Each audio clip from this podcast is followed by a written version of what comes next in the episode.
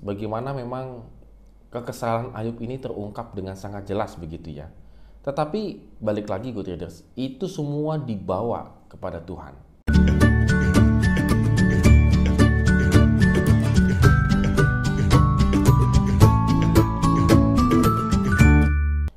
Morning good readers, hari ini kita mengucapkan syukur karena Tuhan begitu baik dalam kehidupan kita, karena kita masih diberikan kesempatan untuk hidup dan melakukan segala aktivitas kita, itu semua karena anugerah Tuhan semata.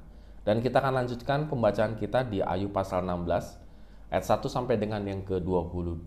Tetap semangat untuk membaca firman Tuhan. Mungkin kita pernah mengalami deframing bahasa mudanya sekarang ya, deframing. Artinya sepertinya sih sebenarnya sama dengan dituduh begitu ya. Ketika kita melakukan perbuatan yang sangat baik ataupun perbuatan yang sangat maksimal, lalu kita dituduh bahwa kita itu uh, telah melakukan banyak sekali kesalahan. Tentunya secara emosional pasti kita akan tinggi begitu ya.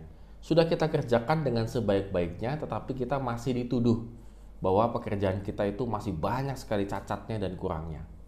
Nah, ini pun yang dialami oleh Daud.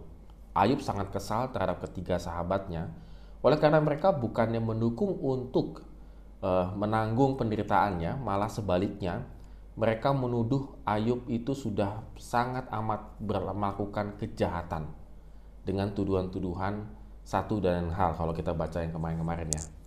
Nah, di sini kita bisa melihat sekali lagi Ayub membela dirinya dari tuduhan para sahabatnya. Dengan tegas ia menyatakan bahwa semua penderitaan ini bersumber dari Allah sendiri ayat 7 sampai dengan yang ke-17.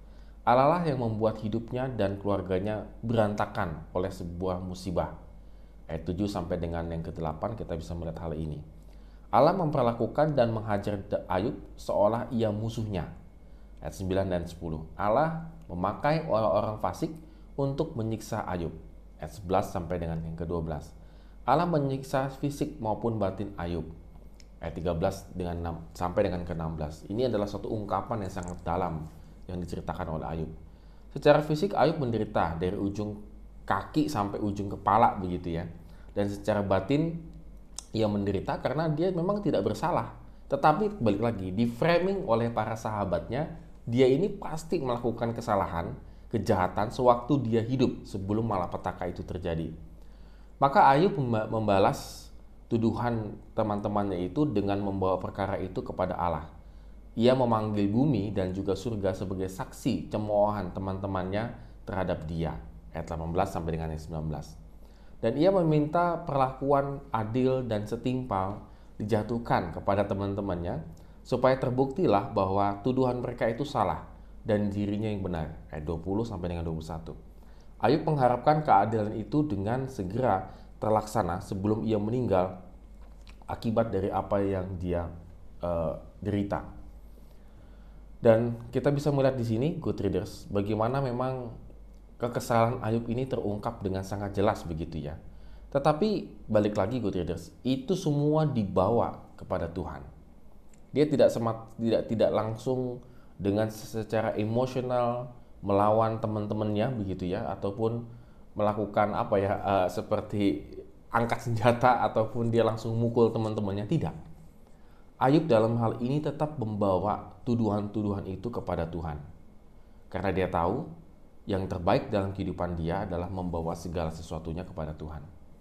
Good readers pada hari ini kita kembali lagi diingatkan menurut saya sih. Bahwa sering kali kita melawan tuduhan-tuduhan yang dilontarkan kepada kita. Betul, sesekali kita perlu melakukan, kita perlu sekali melakukan yang namanya klarifikasi dan seterusnya. Tetapi kita juga harus sadar bahwa apa yang dituduhkan kepada kita itu juga harus kita bawa kepada Tuhan. Dan orang yang menuduh kita, kita bawa juga kepada Tuhan. Setidaknya supaya Tuhan memperlakukan kita secara adil. Keadilan kita minta kepada Tuhan. Walaupun orang di sekeliling kita tidak percaya kepada kita, tapi satu hal kita tetap harus percaya kepada Tuhan. Supaya uh, Tuhan memberikan yang terbaik dalam kehidupan ini. Jadi, good readers, pada hari ini kalau kita dalam posisi tertuduh, dalam posisi yang selalu disalah-salahkan begitu padahal kita sudah melakukan yang terbaik, mari kita bawa perkara-perkara kita di hadapan Tuhan. Amin. Have a nice day and God bless us.